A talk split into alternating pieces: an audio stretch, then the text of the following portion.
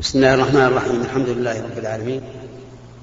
وصلى الله وسلم على نبينا محمد وعلى آله وأصحابه ومن تبعهم بإحسان إلى يوم الدين.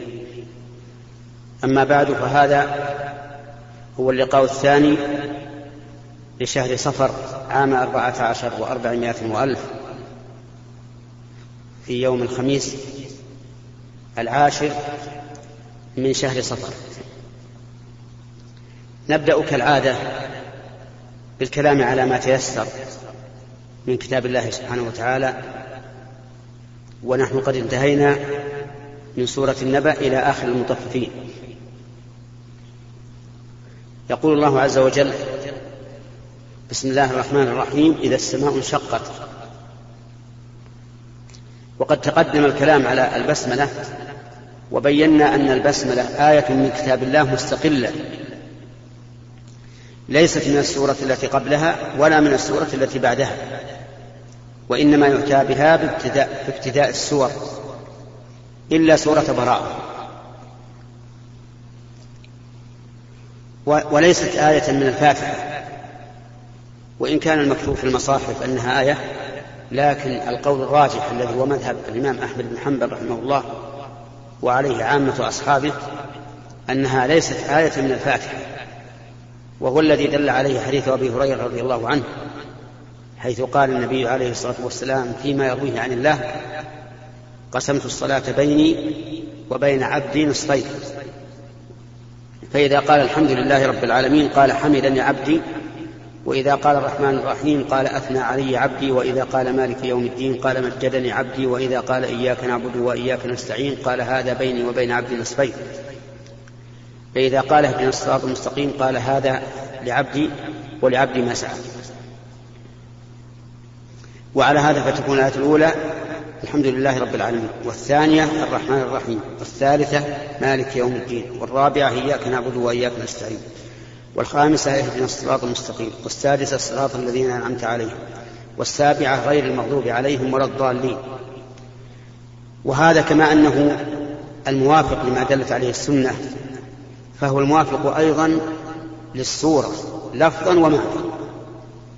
أما لفظا فالآية فالآيات الثلاث الأولى كلها لحق الله عز وجل.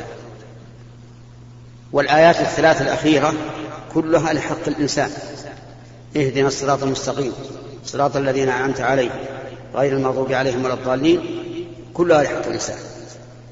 والآية الرابعة الوسطى بين الله وبين العبد. هذا هو القول الراجح في أن الفاتحة سبع آيات أولها الحمد لله رب العالمين. أما السورة التي نبتدئ بها الآن فهي قوله تعالى إذا السماء انشقت انشقت انفتحت وانفرجت كقوله تعالى وإذا السماء فرجت.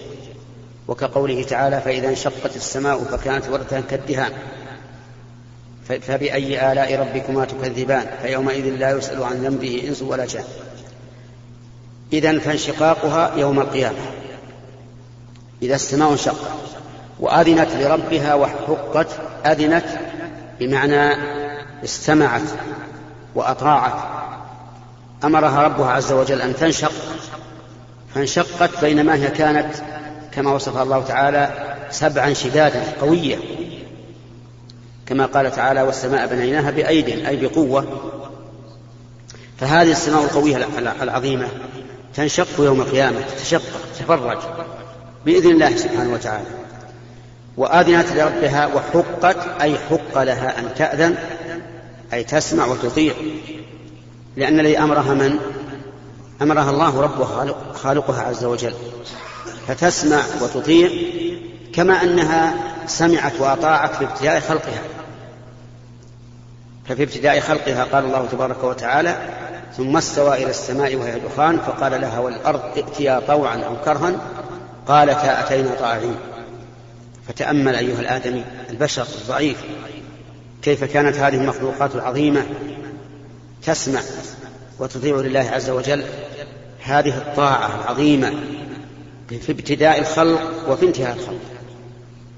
في ابتداء الخلق قال ائتيا طوعا أو كرها فقالتا أتينا طائعين.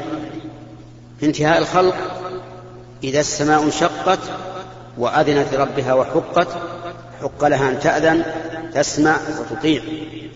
ثم أعاد قال وأذنت لربها وحقت. تأكيدا لاستماعها لربها وطاعتها لربها. وإذا الأرض مدت هذه الأرض التي نحن عليها الآن هي غير ممدودة. أولا أنها كرة مدورة. وإن كانت جوانبها الشمالية والجنوبية منفتحة قليلا أي ممتدة قليلا فهي مدورة. الآن ثم هي أيضا معرجة فيها المرتفع جدا وفيها المنخفض فيها الأودية فيها السهول فيها الرمال فهي غير مستوية. لكن يوم القيامة إذا الأرض مدت أي تمد مدا واحدا كمد الأديم يعني كمد الجلد كأنما تفرش جلدا أو سماطا تمد. حتى إن الذين عليها وهم الخلائق يسمعهم الداعي وينفذهم البصر. لكن الآن لا ينفذ لا ينفذهم البصر لو امتد الناس على الأرض لوجدت البعيدين منخفضين. لا تراهم لكن يوم القيامة إذا مدت صاروا صار على أقصاهم مثل أدناهم كما جاء في الحديث. يسمعهم الداعي وينفذهم البصر. وإذا الأرض مدت وألقت ما فيها وتخلت وأذنت لربها وحقت. ألقت ما فيها ما الذي فيها؟ فيها جثث بني آدم تلقيها يوم القيامة تلقي هذه الجثث يخرجون من قبورهم لله عز وجل. كما بدأهم أول خلق أي كما خرجوا من بطون أمهاتهم يخرجون من بطون الأرض. وأنت خرجت من بطن أمك حافيا أو منتعلا عجيب حافي كاسيا أو عاريا؟ عاريا. نعم. آه مختونا أو أغرل أغرل إلا أن بعض الناس قد يخلق مختونا. لكن عامة الناس يخرجون من بطونهم من بطون أمهاتهم غرلا. كذلك تخرج من بطن الأرض يوم القيامة. حافيا ليس عليك نعال. كاسيا نعم عاريا ليس عليك كساء مختونا أغرب لست مختونا. ولما حدث النبي عليه الصلاة والسلام بذلك قالت عائشة يا رسول الله الرجال والنساء؟ قال الرجال والنساء. بادية عوراتهم؟ نعم. لكن الأمر أعظم من أن يهمهم ذلك. الأمر شديد. كل إنسان لاهٍ عن, عن نفسه.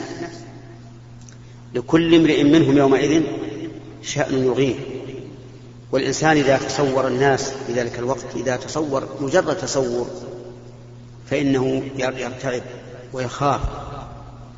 وإذا كان عاقلا مؤمنا عمل لهذا اليوم ولهذا قال عز وجل وإذا الأرض مدت وألقت ما فيها وتخلت وأذنت لربها وحقت. أذنت يعني استمعت وأطاعت لربها وحقت.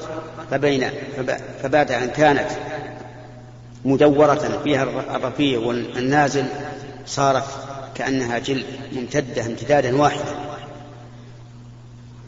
ثم قال عز وجل يا أيها الإنسان إنك كادح إلى ربك كدحا. الكادح هو الساعي بجد ونوع مشقة. وقوله إلى ربك يعني أنك تكدح كدحا يوصلك إلى ربك. انتبه. كدحا يوصل إلى الله.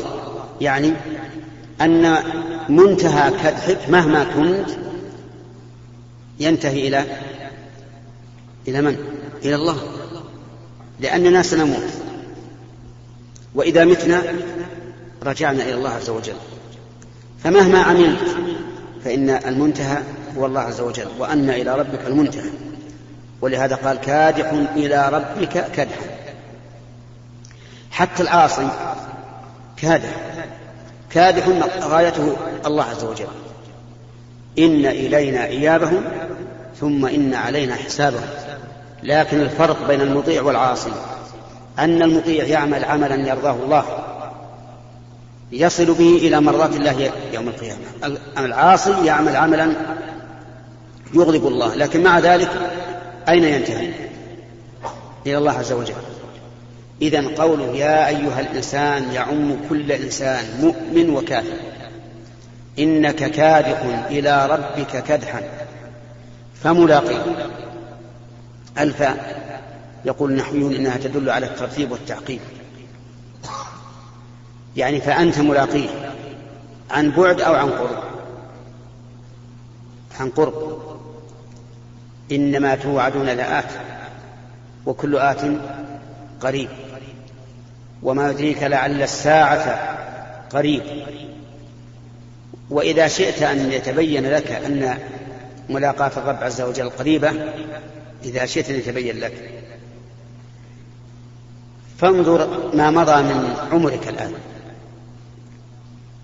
لو مضى لك مئة سنة. كأنما هذه السنة إيش؟ ساعة واحدة. كل اللي مضى من أعمارنا كأنه ساعة واحدة. إذا هو قريب. ثم إذا مات الإنسان أتظنون أن البرزخ الذي بين الجنة بين الحياة الدنيا والآخرة أتظنونه طويلا؟ هو قريب قريب كاللحظة. الإنسان إذا نام نوما هادئا ولنقل نام أربعا وعشرين ساعة وقام. وش يقدر النوم هذا؟ ها؟ إيش؟ دقيقة. دقيقة واحدة. مع أنه يمكن نام 24 ساعة. إذا كان هذا في مفارقة الروح في الحياة تمضي يمضي الوقت بهذه السرعة. فما بالك إذا كانت الروح بعد خروجها من البدن مشغولة إما بنعيم أو جحيم؟ ستمر ملايين السنين على الإنسان وهو كأنه كأنه لا شيء. لأن امتداد الزمن في حال يقظتنا ليس كامتداد الزمن في حال نومنا.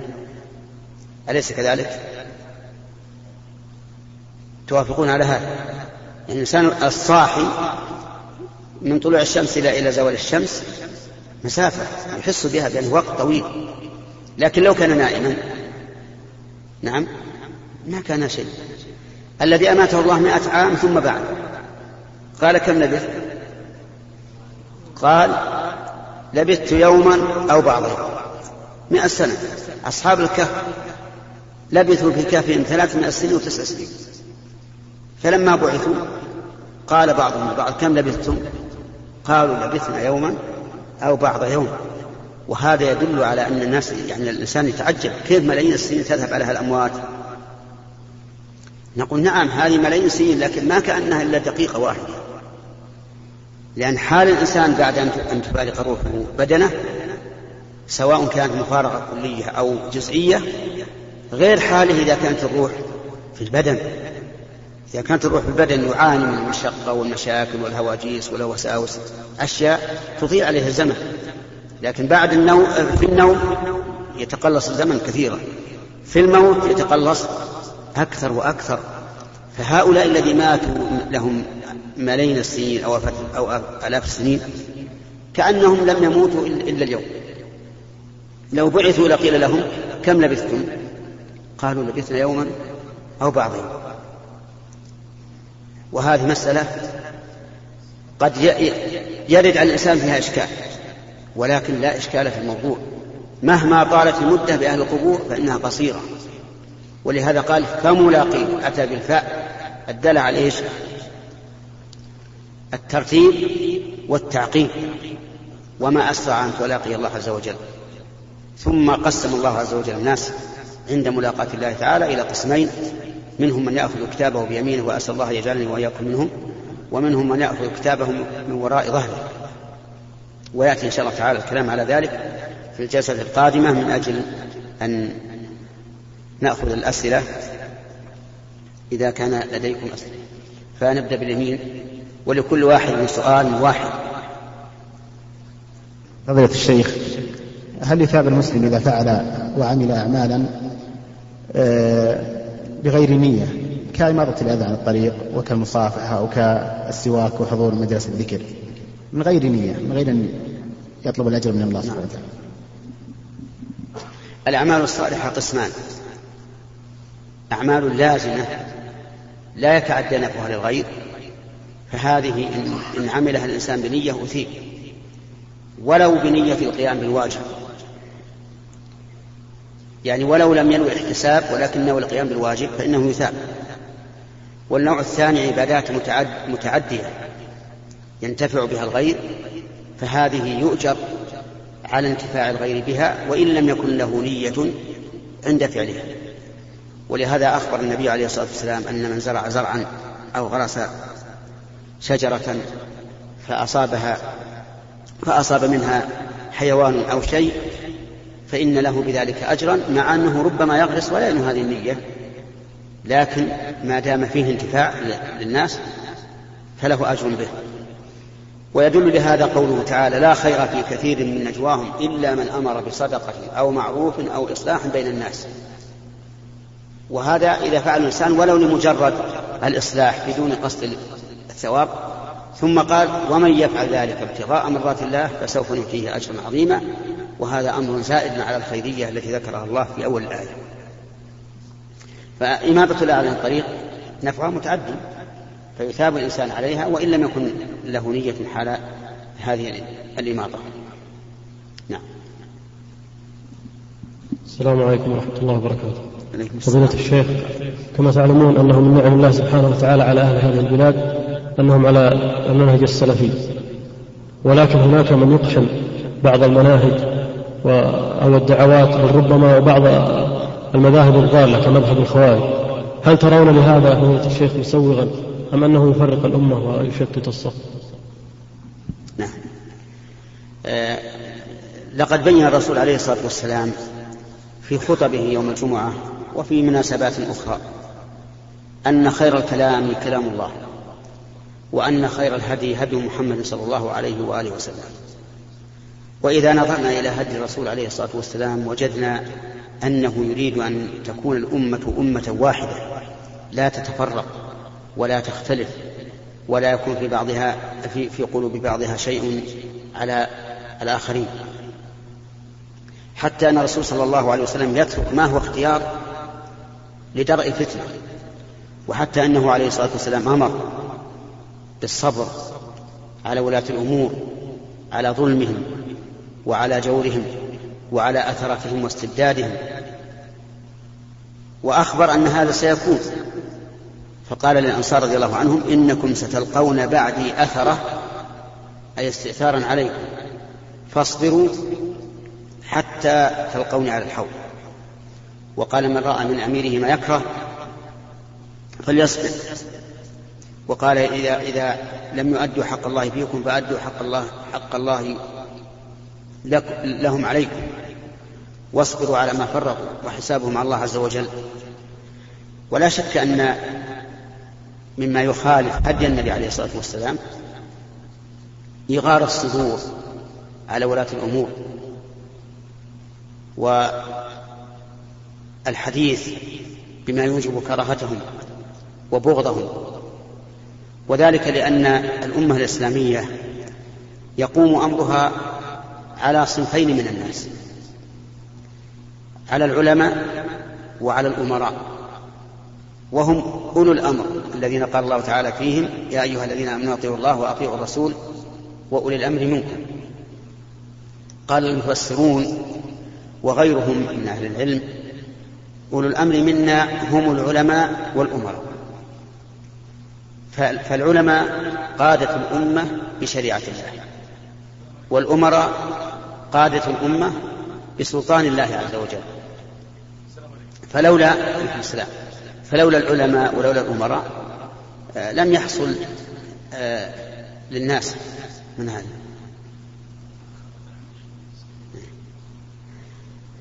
لو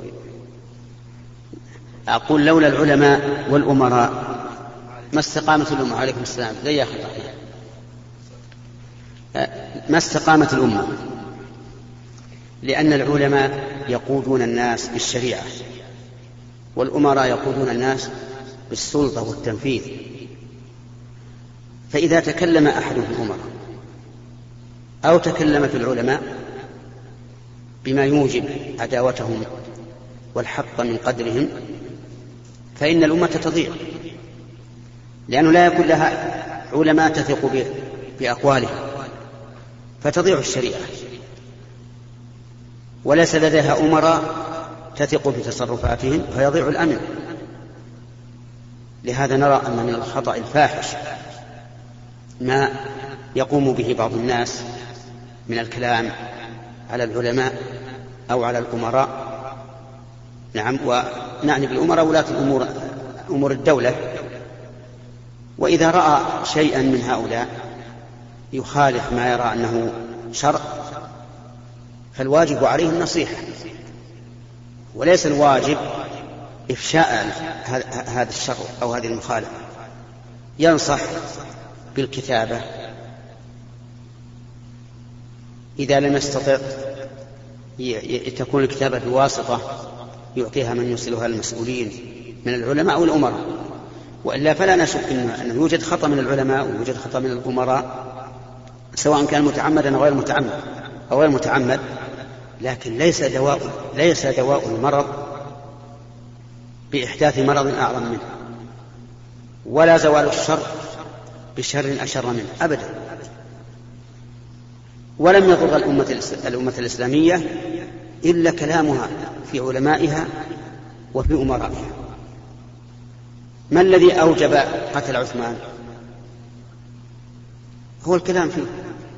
تكلموا فيه وأنه يحابي أقاربه وأنه يفعل كذا ويفعل كذا فحملت الناس في قلوبها عليه ثم تولد من هذا الحمل كراهة كراهة وبغضاء وأهواء وعداء حتى وصل الأمر إلى أن قتلوه في بيته. ما الذي أوجب قتل أمير المؤمنين علي بن أبي طالب؟ إلا هذا. خرجوا عليه وقالوا إنه خالف الشرع. وكفروا وكفروا المسلمين معه وحصل ما حصل من الشر. فالواجب علينا أيها الإخوة هو نحن ولله الحمد في هذا البلد كما قال الأخ السائل بلد آمنة مطمئنة يأتيها رزقها رغد من كل مكان وهي من خير ما نعلمه في بلاد المسلمين تطبيقا للشريعة. وهذا أمر مشاهد. ولا نقول إنها تامة مئة في المئة. لا عندها قصور كثير وفيه ظلم وفيه استئثار. لكن الظلم إذا نسبته إلى العدل وجدت أنه إيش؟ لا شيء. أقل مو أقل لا شيء. يعني إذا قدرنا أن أن المملكة السعودية عشرة ملايين لا تحس يعني لا تستطيع أن تخرج ألف واحد مظلوم ظلما حقيقيا ولم ولم نتمكن من رفعه. أبدا. فإذا كان كذلك كيف نقول إن الظلم فاشل وكثير وفيه هذا مو صحيح. الواجب أن الإنسان ينظر بالعدل. يا أيها الذين آمنوا كونوا قوامين بالقسط شهداء لله ولو على أنفسكم أو أو الوالدين أو الوالدين والأقربين. يا أيها الذين آمنوا كونوا قوامين لله شهداء بالقسط. ولا يجرمنكم شنآن قوم على أن لا تعدل. شنآن يعني بغض ويجرم بمعنى يحمل. يعني لا يحملكم بغض قوم على أن لا تعدلوا اعدلوا هو أقرب التقوى واتقوا الله. فأقول إننا ولله الحمد في بلاد آمنة مطمئنة. هي خير ما نعلمه من بلاد المسلمين في تطبيق الشريعة. فالواجب علينا أن نحرص على توحيد الكلمة ما استطعنا. وأن نجعل الخلاف الذي يكون بيننا الذي يكون بيننا من باب الاجتهاد. وأن نتناقش فيما بيننا. فيما يظن بعضنا أنه خطأ حتى نصل إلى الصواب جميعا. وإذا علم الله من نيتنا أننا نريد الحق يسره لنا ويسر لنا الاجتماع عليه. هذا ما أحببت أن أقوله حول هذا الموضوع وأرى أنه يجب الكف عن مساوئ الناس ولا سيما العلماء والأمراء وأنه يجب إصلاح الخطأ بقدر الإمكان ولكن بالطريقة التي يحصل بها المقصود ونسلم فيها من المحذور. شيخ ما هي حدود استئذان الوالدين؟ نعم. آه، الوالدان الأم والأب برهما واجب وعقوقهما من كبائر الذنوب. كما في حديث أبي بكر رضي الله عنه أن النبي صلى الله عليه وآله وسلم قال ألا أنبئكم بأكبر الكبائر؟ قالوا بلى يا رسول الله. قال الاشراك بالله وعقوق الوالدين. وكان متكئا فجلس فقال ألا وقول الزور؟ ألا وشهادة الزور. ولكن ليس كل شيء يستأذن فيه الوالدان فلو أراد الإنسان أن يصلي صلاة فريضة فلا, فلا يستأذن الوالدين بل لو قال لا تصلي مع الجماعة مثلا وجب عليه معصيتهما. لقوله تعالى وإن جاهداك على أن تشرك به ما ليس لك به علم فلا تطعهما. ولقول الرسول صلى الله عليه وسلم لا طاعة المخلوق في معصية الخالق. ولا يجب استئذانهما أيضا في في صلاة النافلة إلا إذا كان لهما شغل وهما محتاجان إليك فحينئذ يستأذن منه. لأنهما إذا احتاج إليك كان القيام بحاجتهما من البر والبر واجب وصلاة النافلة تطوع وحينئذ يستأذن منهما. أما إذا كان لا يحتاجان إليك ولا ضرر عليهما فيما تفعل من الطاعات فلا حاجة للاستئذان. نعم. غفر الله لك يا شيخ. يوجد في بعض المساجد مكاتب إما تكون في الطابق العلوي أو ملاصقة للمصلى فهل تأخذ حكم المسجد؟ يقول العلماء رحمهم الله ما كان في داخل سور المسجد وبابه من داخل فهو من المسجد. وما كان خارج السور فليس من المسجد. فتأخذ حكم المسجد يعني أنه لا يلبث فيها الجنوب إلا بوضوء ولا يصح فيها البيع والشراء ولا وإذا دخلت فصل ركعتين وجميع أحكام المساجد المسجد المعروف.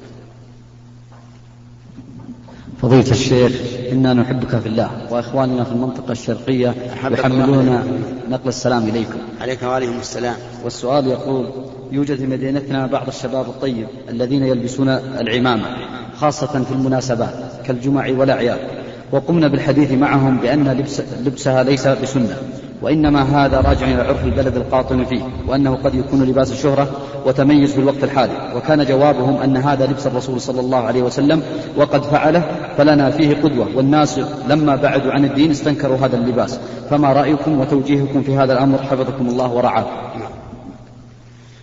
رأينا أن هذا القول يحتاج إلى تعمق في الفقه. وذلك أن النبي عليه الصلاة والسلام لبس العمامة ولبس الإزار ولبس الرداء لأن الناس كانوا يفعلون ومعنى في جنس اللباس أن ما اعتاده الناس ولم يكن محرما بعينه فهو السنة.